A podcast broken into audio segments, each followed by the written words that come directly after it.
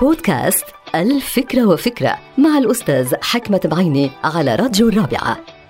العميل المزدوج هو اللي بينقل الأخبار من وإلى أحد الأفرقاء للمنفعة الخاصة هناك فرق بين الجاسوس والعميل المزدوج.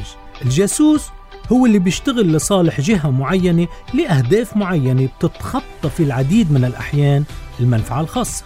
مثلا هناك الجاسوس الموظف اللي بيشتغل خدمة لوطنه في الحروب العسكرية والاقتصادية والتقنية أحيانا. وهناك الجاسوس اللي عنده دور ناشط للوصول لمعلومات مهمة ممكن تأثر سلبا أو إيجابا على أمور دولية في غاية الأهمية.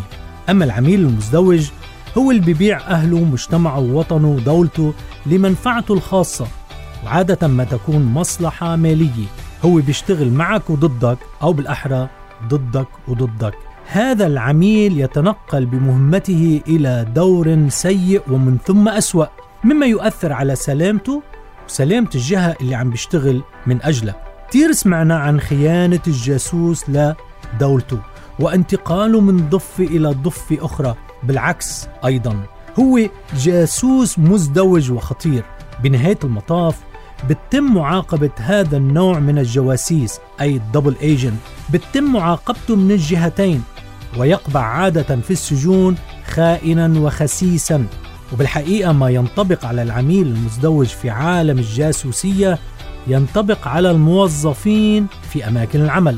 منهم من يعمل لصالح الإدارة العليا وضد الإدارة يعني بيكون مع المدير وضده. ومنهم من يعمل لصالح الشركة وشركات أخرى منافسة. وفي الحالتين يفقد هذا الشخص مصداقيته مع الجميع. أحذر من العمل الجاسوسي لمصلحة شركات أخرى. إذا أنت عم تشتغل بشركة وعم بتعيش من وراء هالشركة كيف ممكن تعطي معلومات لشركات أخرى ومنافسة؟ بالحقيقة إنها قمة الخيانة ويعاقب عليها القانون أيضا. انتبهوا. انتهت الفكرة. هذه الحلقة مقتبسة من كتاب الفكرة وفكرة.